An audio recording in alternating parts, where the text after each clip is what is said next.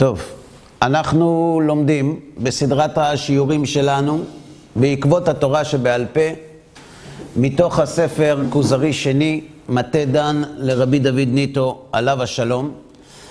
בשיעור הקודם, החבר והמלך עסוקים בסוגיית המאפיינים של הפסיקה החז"לית, כדי לזהות מתוכה האם טענת המכחישים, הקונספירציה, שחז"ל פסקו והרחיבו את פסיקתם כדי להשתרר על הציבור, האם יש לה אחיזה בדרך הפסיקה של חז"ל.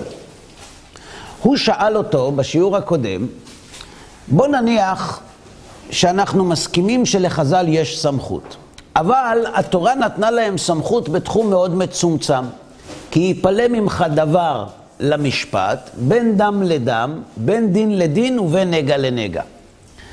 עכשיו, בוא נניח שאנחנו מסכימים שבדברים האלה יש לחז"ל סמכות, מה לעשות זה כתוב בתורה. טוב, נצטרך לאכול את זה. אבל כיצד חז"ל הרחיבו את הסמכות שלהם בצורה כל כך עצומה?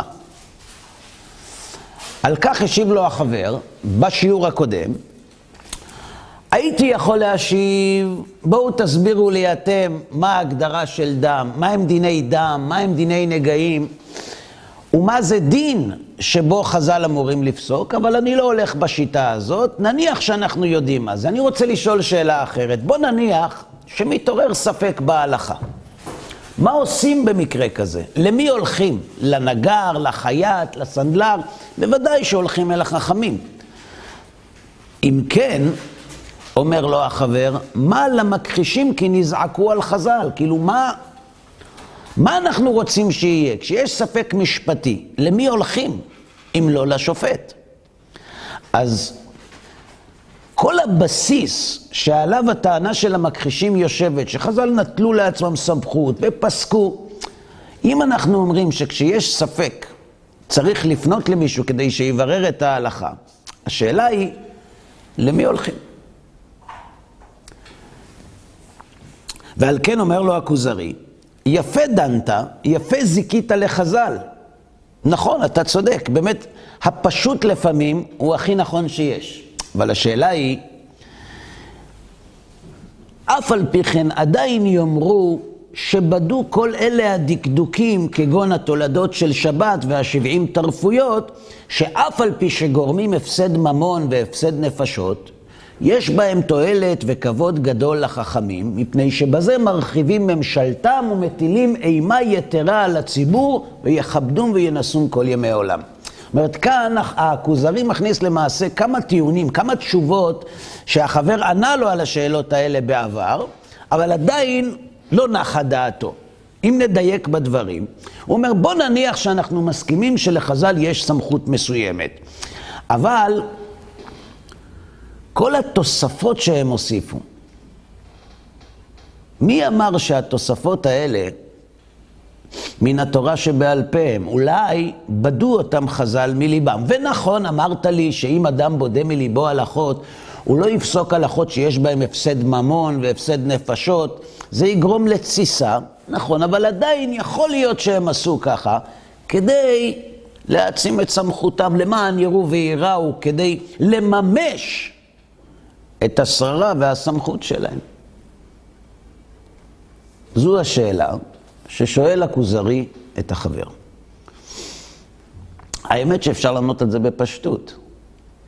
זה בכלל לא מעניין אותי אם הם כביכול בדו מליבם, או פסקו על פי כללים שקיבלו ממשה רבנו, כי הרי אם אנחנו מסכימים שכשיפלא ממך דבר למשפט אתה הולך אל השופטים, כלומר השופטים יש להם סמכות, וכשהם משתמשים בה זה בכלל לא משנה באיזו דרך הם הגיעו למסקנה ההלכתית שלהם.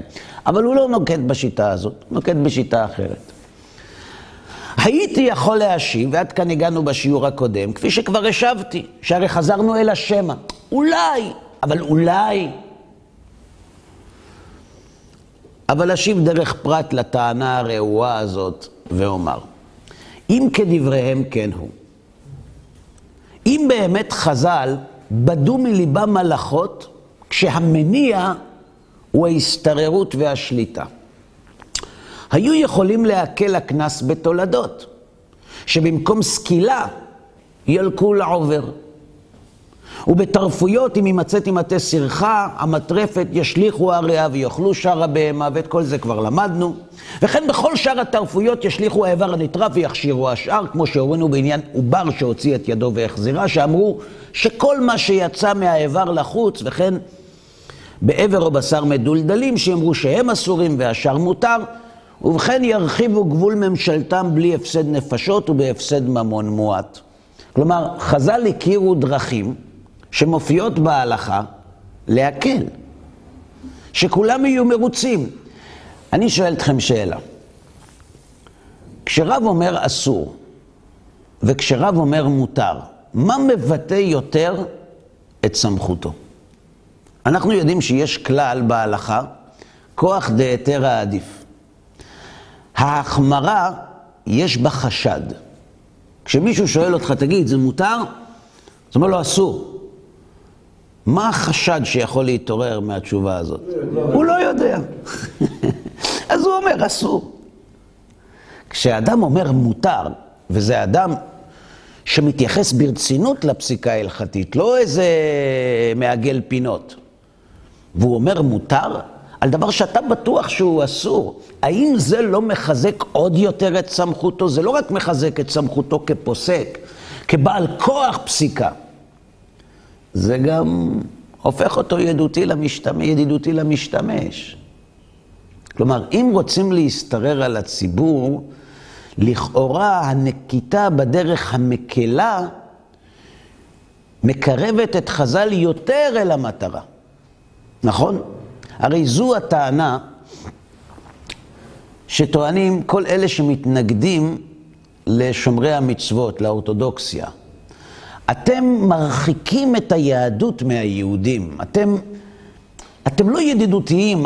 האדם שומע את המילה רבנות, הוא נכנס ללחץ. צריך, סליחה, צריך להיות עם הפנים לעם, צריך להכיר בשינויים המתחוללים, צריך להקל. למה?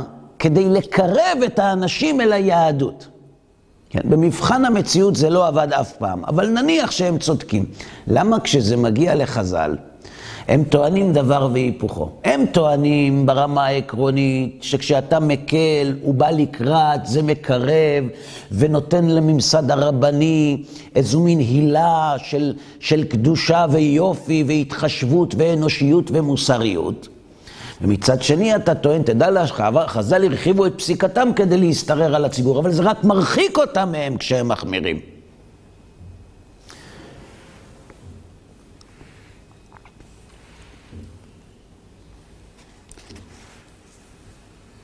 על כך עונה לו החבר, אם באמת הרצון היה להשתרר על הציבור ולשלוט בו, היה צריך להקל, למשל, כשראשי ממשלה רוצים למשוך עליהם את הציבור.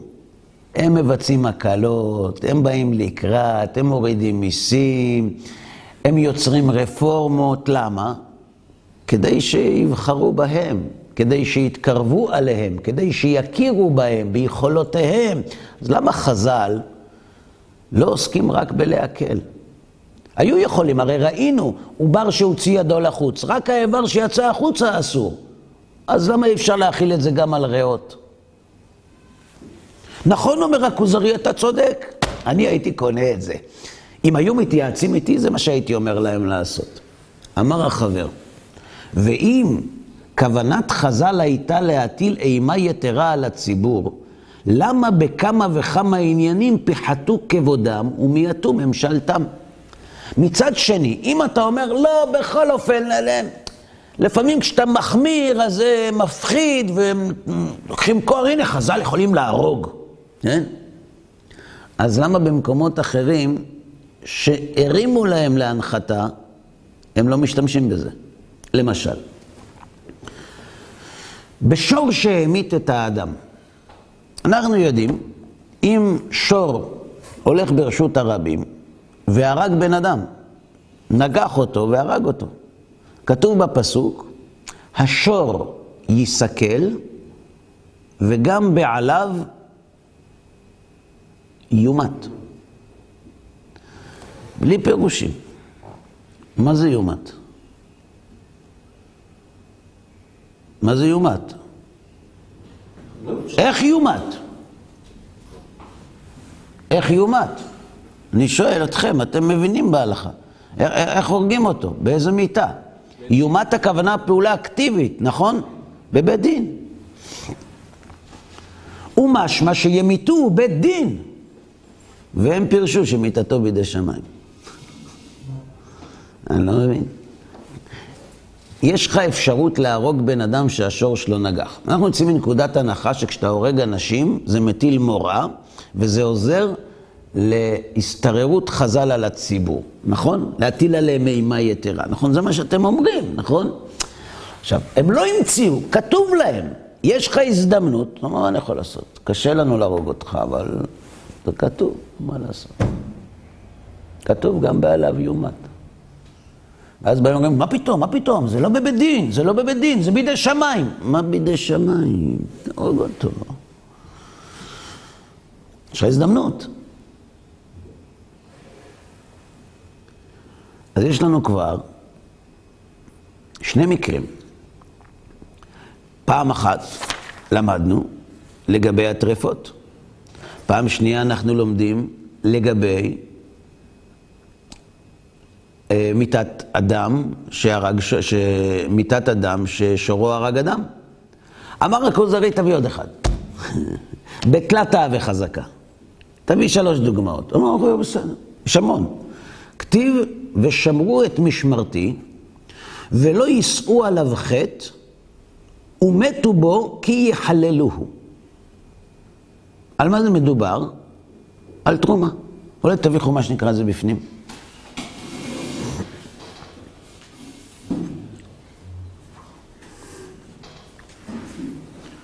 חומש ויקרא. מדובר ב, ב, אה, בשמירת קדושת התרומה. יש חומש? חומש רגיל. יופי. תודה רבה.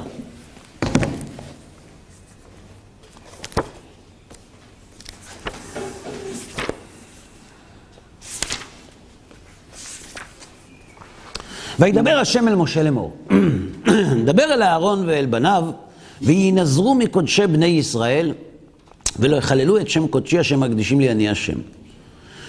אמור עליהם, לדורותיכם, כל איש אשר יקרב מכל זרעכם אל הקודשים, אשר יקדישו בני ישראל להשם וטומאתו עליו, כל כהן שרשאי לאכול קורבנות בטהרה, והוא אוכל אותם בטומאה, ונכרתה הנפש ההיא מלפניי אני השם. אומרת, אם כהן אוכל קודשים בטומאה, חייב מיתה בידי שמיים. איש איש מזרע אהרון, שהוא, יש בו מום, בקודשים לא יאכל. סליחה, איש איש מזרע אהרון והוא צרוע או זב, זאת אומרת הוא טמא, לא יאכל עד אשר יטהר, והנוגע בכל טמא נפש, או איש אשר תצא ממנו, או איש אשר ייגע בכל שרץ, אסור לו לאכול. זאת אומרת, צריך לשמור על קדושה, על טהרה, כשאוכלים קודשים. בסדר? ושמרו את משמרתי, ולא יישאו עליו חטא, ומתו בו, כי יחללוהו. אני השם מקדשם. מה אומר הפסוק הזה? ושמרו את משמרתי, ולא יישאו עליו חטא, ומתו בו, כי יחללו. על מה מדובר כאן?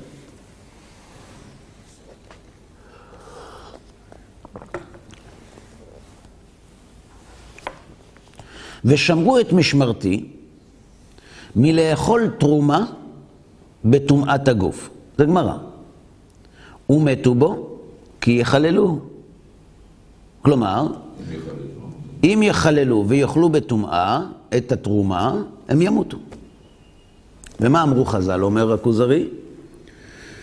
ואמרו חז"ל, דאיירי בזר, שאכל בין תרומה טהורה בין טמאה, שהוא במיתה. כלומר, מי שאינו כהן ואכל תרומה, טהור או טמא, לא משנה. או כהן טמא שאכל תרומה טהורה, חייב מיתה. זאת אומרת, ביחס לדיני תרומה וקדושתה, יש לנו שתי התייחסויות הלכתיות. א', אסור לכהן לאכול תרומה טמאה, לאכול תרומה בטומאה, תרומה טהורה בטומאה, הוא חייב להיות טהור. לא צרוע, לא זב, ערב שמש להמתין, ואז מתי קוראים את שמה בערבית? משעה שהכהנים נכנסים לאכול בתרומתן. מה הכוונה נכנסים לאכול בתרומתן? כהן שנטמע צריך לטבול, חכה עד השקיעה, צאת הכוכבים, מותר לו לאכול תרומה. אבל אם הוא יאכל אותה בטומאה, חייב מיתה. דין אחד. דין שני, ישראל שאכל תרומה, בטומאה או בטהרה, חייב מיתה. כלומר, יש לנו כאן שתי מיתות במחסנית. אז קדימה. ואמרו חז"ל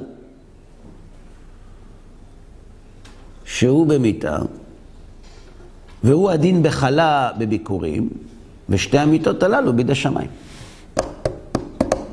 כתוב שימות. לא, זה בידי שמיים. ועיין ברמב"ם הלכות סנהדרין, שהם בין שהם בין הכל 21. ואם עלה על דעתם שחז"ל לדרוך על במטה עם ישראל, למה לא אמרו על אלו שמיתתם בידי אדם? כלומר, למה לא השתמשו באפשרויות שהתורה מעניקה לחז"ל לממש את סמכותם ולהטיל את אימתם על הציבור ולהחליט שמדובר לא על מיתה בידי שמיים, אלא על מיתה בידי אדם. מי סיפר בכלל על מיתה בידי שמיים? זאת אומרת, יש כאן חוסר עקביות סברתית בטענת המכחישים, שחז"ל נתנו, נטלו לעצמם סמכות כדי להשתרר ולהטיל אימה על הציבור, כי פסיקתם סותרת את הטענה הזאת. אמר הכוזרי, זוהי טענה גדולה לזכות חז"ל. נכון.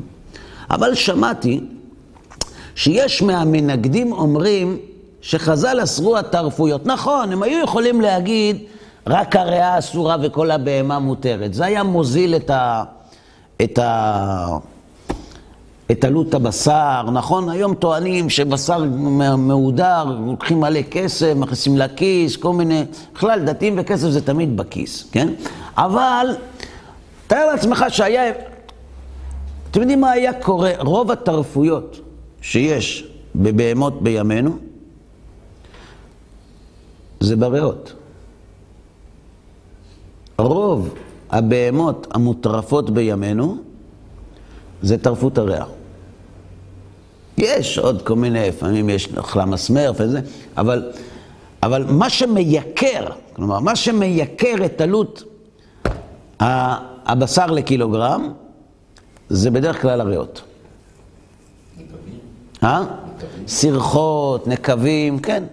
אתה רוצה עכשיו לכתוב בהולוגרמה שלך, אה, אה, כשר למהדרין, בהשגחת בד"ץ פלוני, חלק בית יוסף ללא רירין כלל.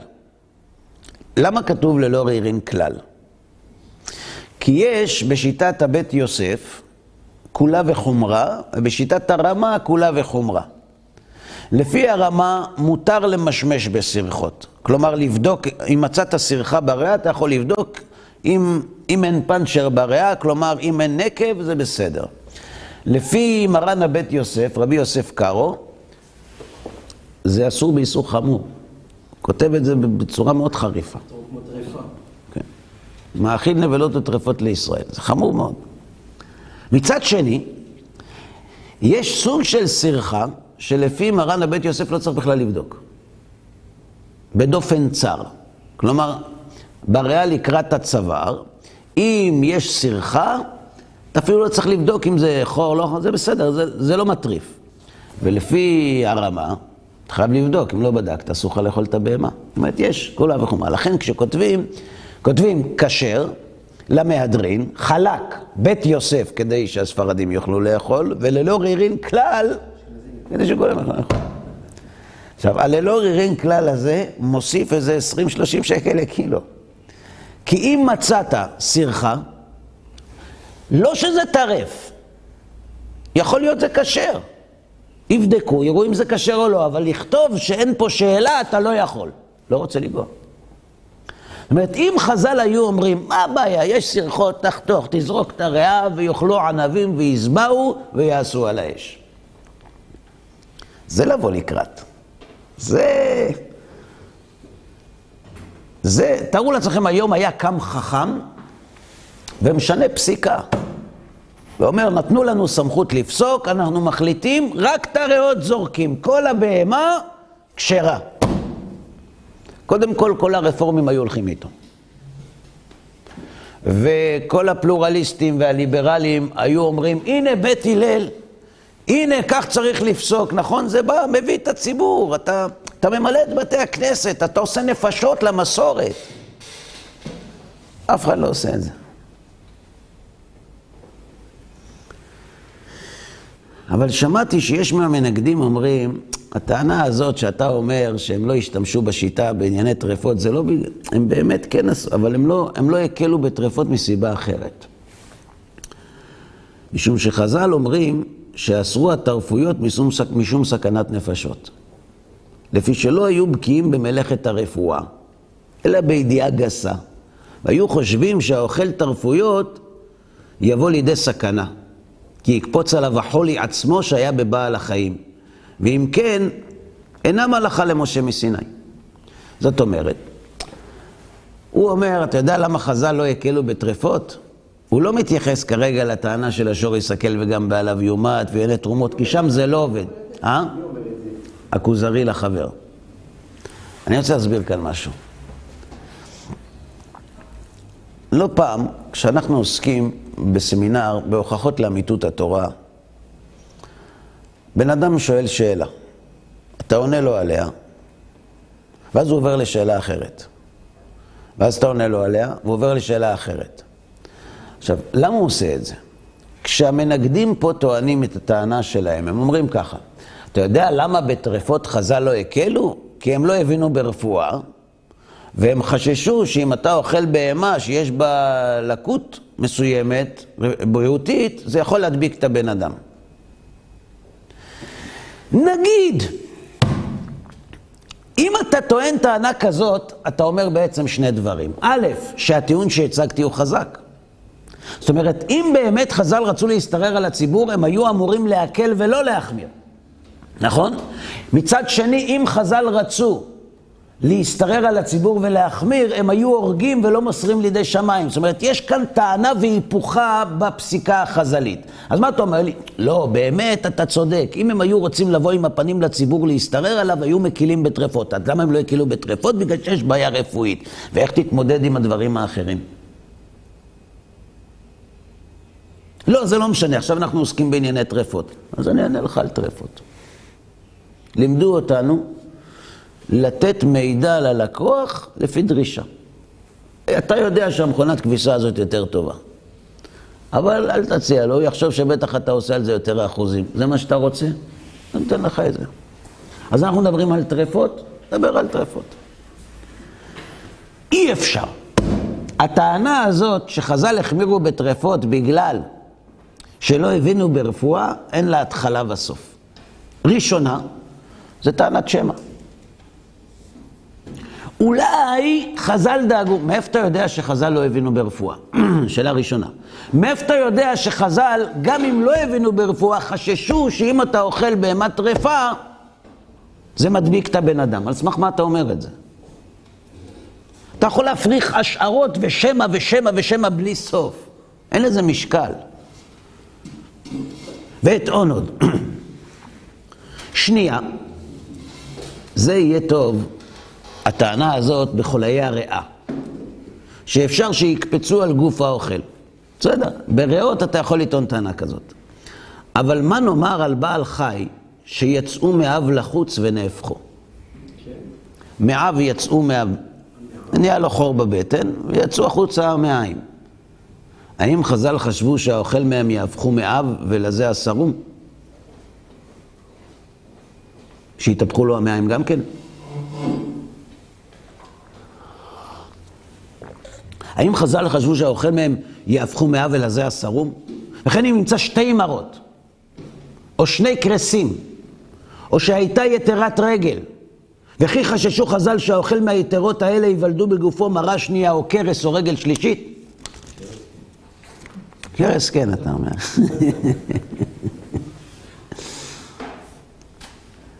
זה לא רציני. זה כוחם, אמרנו את זה כבר בתחילת הלימוד שלנו, זה כוחם של המכחישים. זריעת ספקות. אבל כשאתה בודק כל טענה וטענה לגופה, היא לא מחזיקה מים. לא, אתה יודע למה הם החמירו בטרפות? כי הם פחדו ש...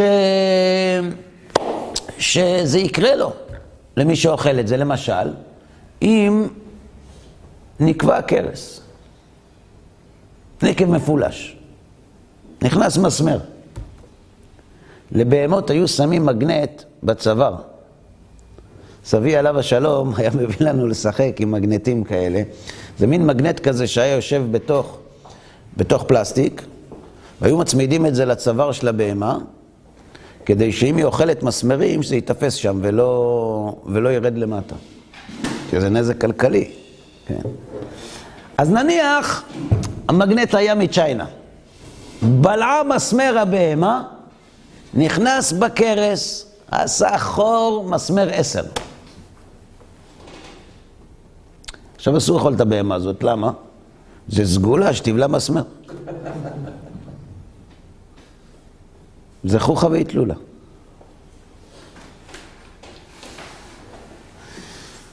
אלא ודאי, רשעים אלה דוברים סרה על קבלת חז"ל בלי טענה, אלא להתיר לעצמם כל תועבות השם אשר שנא בפרהסיה. דע לך שהשורש לכל אלה שמתנגדים לחז"ל, קוראים לו הרצון לקבל. היצר הרע, התאווה, איך אמר פעם אדם שהגדיר את עצמו סוציאל דרוויניסט, הוא כתב, לי ולחבריי היו סיבות רבות לטעון שהעולם הינו חסר משמעות, וזאת כדי לשחרר את החברה מנורמות מסוימות של מוסר. כלומר, זה שאנחנו טענו שאין משמעות לחיים, והכל מקרה, והכל לא נכון, והברירה הטבעית, ו- ומוצר, וכל זה מה שטענו, היה מניע.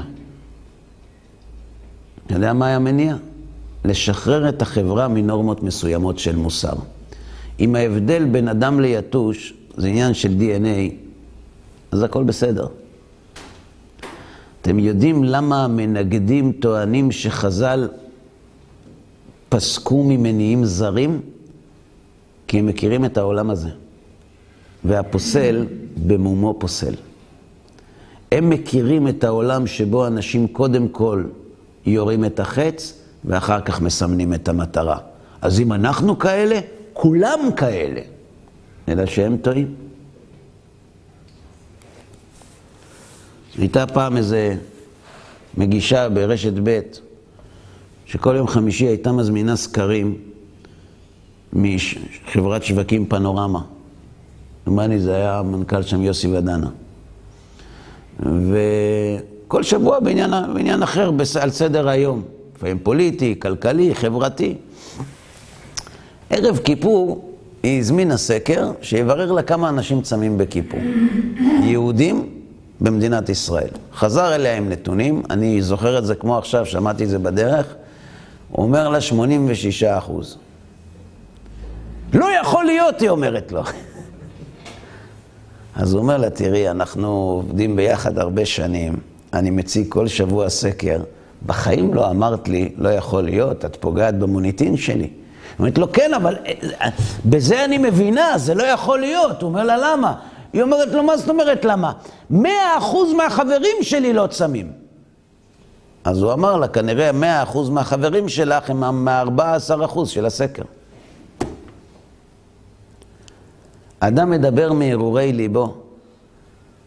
מי שהדעות שלו נגועות במניעים זרים, כשהוא מסתכל על חז"ל, הוא אומר, מה, בני אדם, יש להם אינטרסים, הם רוצים להרוויח משהו, הרבנים. מה, הרבנים לא אוהבים כסף? הנה, תראה, הרב הזה לא יושב בכלא, וזה לא...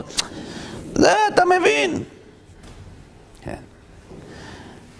ודאי, הנה אלה רשעים הדוברים סרה על קבלת חז"ל בלי טענה. זה לא שיש, אם יש טענה, נדון בה. מה מביא אדם להשחיר את פניהם של חז"ל כשאין לו טענה מוצקה להוכיח את דבריו? למה הוא עושה את זה? להתיר לעצמם כל תועבות השם אשר שנא בפרהסיה. ועוד, שחז"ל בכל מילי סקנטה, אם באמת ההחמרה בטרפות הייתה מצד סכנה בריאותית, לחז"ל יש גישה מאוד גלויה בענייני סכנה. חמירה סכנתא מאיסורא. כלומר, ההתייחסות, ההגבלה שחז"ל מטילים על דברים שיש בהם סכנה, מגבילים הרבה יותר בפסיקה ההלכתית מאשר באיסורים. ולכן אמרו, ולכן אסרו קצת משכין משום גילוי. אמרו, מים שהיו גלויים בלילה, אסור לשתות.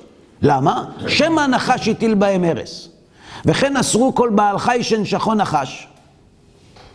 וכן פרי מנוכר, כלומר אם יש נקר בפרי ואנחנו לא יודעים מי, מי, מי נשך אותו. ואם אסרו התרפויות משום סכנה, הלא טוב להם לפרסם טעם האיסור, שאז צדיקים ורשעים יבדילו עצמם מהם להציל ממוות נפשם. חז"ל לא חששו מעולם לאסור דברים משום סכנה. למה הם לא אמרו, אסור לשתות מים גלויים? למה? הלכה למשה מסיני. הם אומרים טעם. בענייני טרפות הם אומרים, ככה משה לימד, אסור. היינו מאוד רוצים לאסור את הריאה ולהתיר את הבהמה, ואנחנו לא יכולים, ככה משה לימד. אז למה במים מגולים? הם לא אומרים שככה משה לימד, הם אומרים, אנחנו אומרים לך, אל תשתה מים מגולים כי יש בזה סכנה. אל תאכל פרי מנוכר כי יש בו סכנה. זאת אומרת, חז"ל לא חששו להציב גדרים וסייגים וטעמם בצידם. אז מה זה הסיפור הזה שחז"ל החמירו בתרפויות כי הם פחדו ממחלות? אין לזה התחלה בכלל. אמר הכוזרי, תעלמנה שפתי שקר הדוברות על חכמי ישראל עתק, כי אין מילה בלשונם להכחיש הדברים והאמת האלה. ומודה אני לפניך, כי שש אנוכי על אמרותיך כמוצא שלל רב, שהם הרהיבוני להאמין בדברי חז"ל בראיות שכליות, מה שלא הייתי מאמין עד עתה, אלא באמונה בלבד, כנער קטון שיאמין מה שלא יבין. כלומר, הכוזרי אומר, אם אתה לומד את מכלול הטיעונים של המתנגדים לחז"ל ושל החבר, אתה אמור להשתכנע שחז"ל לא בדו מליבם דברים ולא פסקו שום פסיקה כדי להשתרר על הציבור, ויש להם הסמכות לפסוק בענייני ספקות משתי סיבות. א', כי זה כתוב במפורש בתורה, גם אם זה לא היה כתוב, יש לך אלטרנטיבה? החייט, הנגר, הסנדלר, את מי תשאל?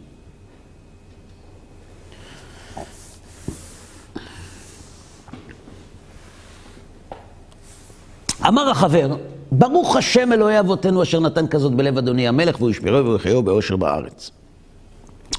אבל אז הכוזרי אומר לו, תשמע, נכון השתכנעתי, אבל אני רוצה מנה אחרונה. בסדר, מנה עיקרית נתת לי, בוא תן עוד... אה, יש איתך עוד ראיות על אמיתת חז"ל? עכשיו בואו ננסה להיכנס למחשבות של רבי דוד ניטו עליו השלום. למה הוא לא ממשיך? למה הוא מסכם? ואז הוא שואל אותו, אולי יש לך עוד? משתי סיבות. א', כי לא צריך. ב', כי הוא רוצה לעשות הפרדה בין מה שהוא הולך לומר עכשיו לבין מה שהוא אמר קודם. זה בערך כמו במהלך משפט. אתה מתעסק עם הראיות, אתה מתעסק עם העובדות, ואחר כך אתה מתחיל להביא עדי אופי. אתה לא יכול לערבב עדויות אופי עם ראיות, זה שני דברים שונים. עדויות אופי זה יפה מאוד, אבל מי אמר? כדי לפסוק את הדין, אתה צריך קודם כל לתת משקל לראיות, ואז לשמוע עדויות אופי, ואם יש לך ראיות לא חזקות ועדויות אופי חזקות, אתה חייב לקחת אותן בחשבון. אבל אתה לא יכול לחבר את הדברים ביחד. ברור? ניקח את השולחן בעצם לפני. בדיוק. קודם כל, בוא נראה שאין לתובע שום הוכחה שמרשי גנב. להפך. עכשיו בוא תשמע מי זה מרשי. מספרים, בתקופת החפץ חיים, נחשד בחור ישיבה ברוסיה בתקופת הצאר בריגול. אתם מבינים מה המשמעות של יהודי בתקופת מלחמה ברוסיה בריגול? זה למות רק מלשמוע את זה. לא צריך לפסוק עליו גזר דין מוות. והיה צער גדול, לא ידעו מה לעשות, ואז מישהו, העורך דין של הבחור, אה, חיפש עדי אופי. מי יבוא? להעיד עדות אופי לטובת מרגל, זה להיות מרגל בעצמך. אז החפץ חיים הסכים. והוא כבר היה לא צעיר, והוא הגיע לשם. הוא היה לבוש בצורה מאוד פשוטה. יש היום סרטון, זה פשוט מדהים איך דברים צצים אחרי כל כך הרבה שנים. יש סרטון של החפץ חיים. מגיע לכנסייה הגדולה, לבוש בקסקט של איכרים, במעיל ארוך ומגפיים. כן, כאחד התגרים מן השוק, לא, לא היה לו קטיפה בפרק, כן.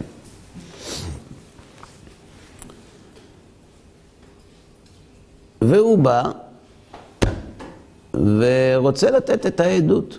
עכשיו, העורך דין יודע שאנשים מושפעים מאיך נראה בן אדם.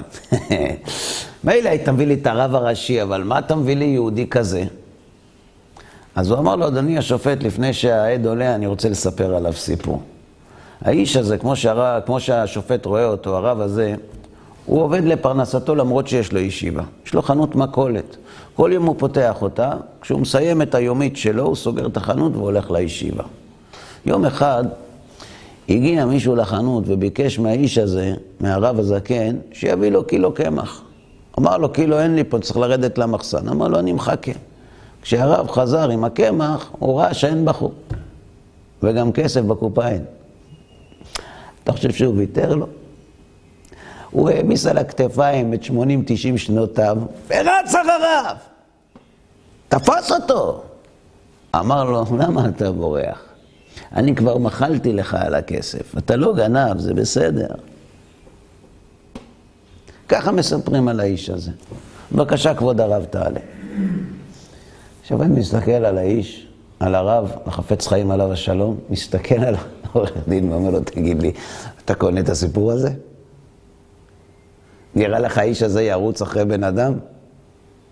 ימחל לו? לגנב?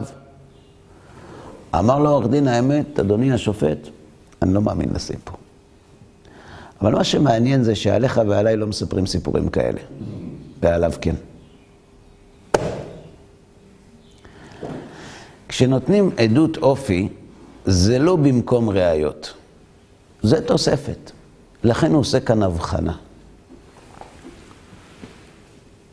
אמר החבר, הרבה דינים מצינו בדברי חז"ל, שנראה לכאורה שהם תיקנו, ואינם אלא מדאורייתא.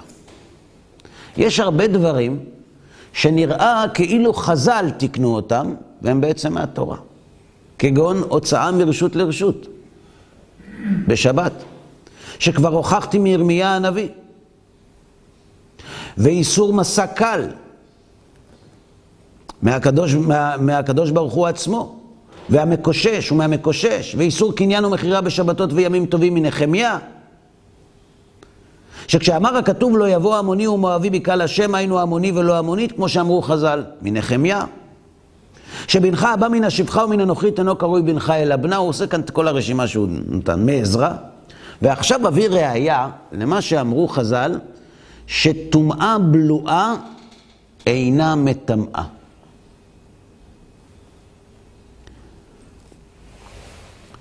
וזה לשונם. אמרו חז"ל, מניין לטומאה בלואה שאינה מטמאה? שנאמר, אתה יכול להביא מסכת חולין? שנאמר, והאוכל מנבלתה יכבס בגדיו. מה זה נקרא טומאה בלועה? מה זה טומאה? תודה רבה. מה זו טומאה? מה זה? מה, נגע באמת? אז מה בלוע פה? בפנים? בפנים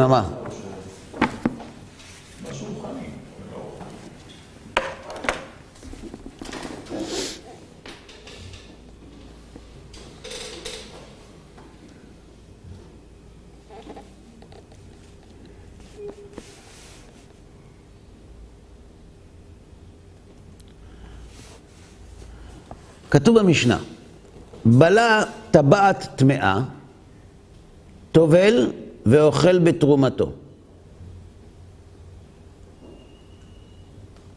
מה, מה, מה, מה קורה כאן? מה מדובר? כן, נו ו? הוא טהור, בלע משהו טמא. אוכל ו... לא, יכול לטבול.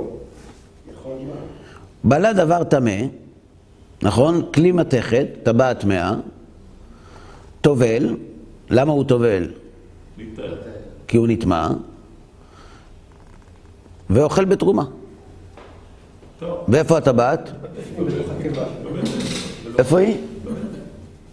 ניתוח טבעת. אה?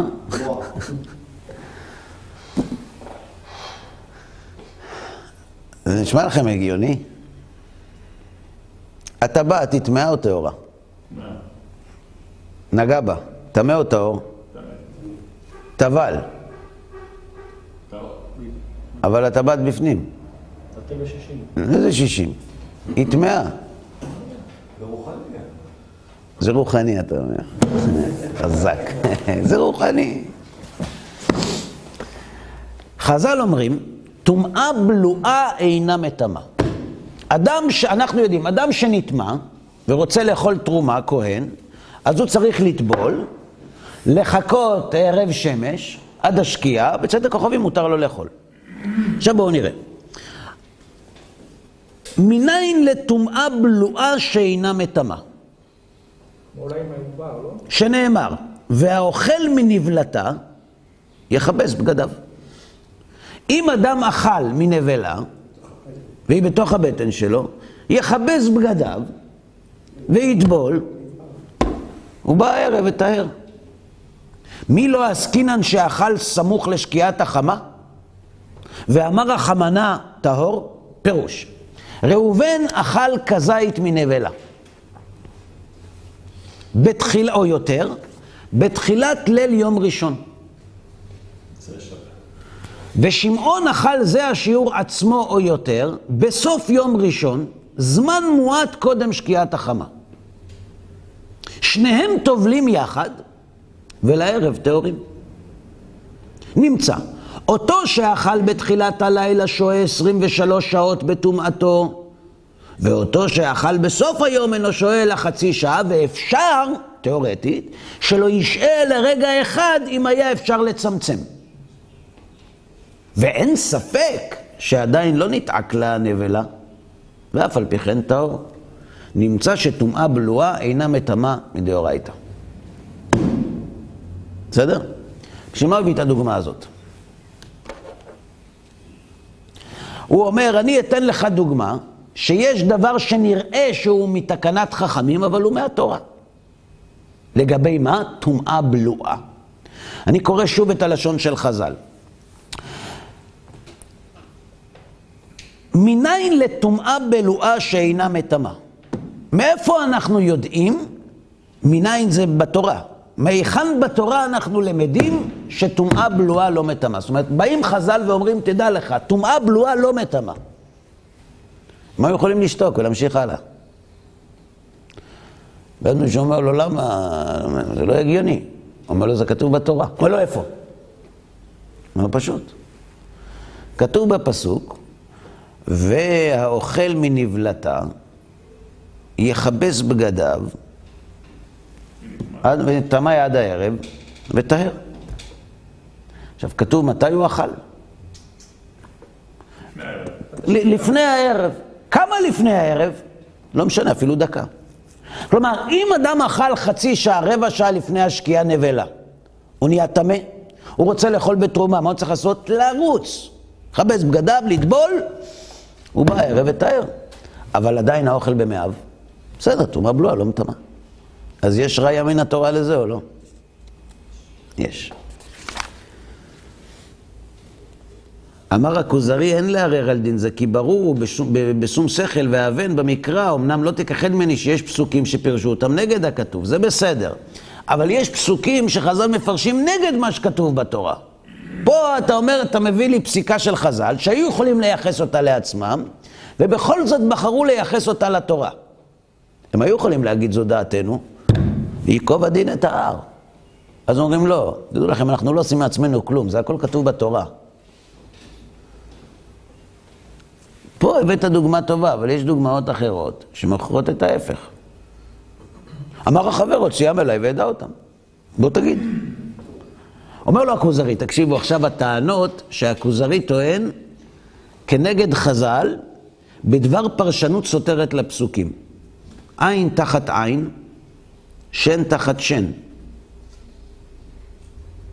מה זה אומר? שמי שהוציא לחבר שלו עין, מוציאים לו עין.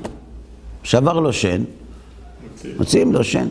או, כאשר ייתן מום באדם, כן יינתן בו. וכתוב גם שם עין תחת עין. וחז"ל פירשו שרצונו לומר שנותן לו דמי עינו. כן. זה לא שהוא מוציא לו את העין, משלם לו. ובישלמה בפרי עץ הדר שפירשו שהוא אתרוג דווקא, יוכלו להתנצל ולומר כי אין ביד שום אדם ראייה שאינו אתרוג, כמו שאתה אמרת לי. אבל בנידון הזה, מה נדבר ומה נסתדק? איך אתה הופך עין לכסף?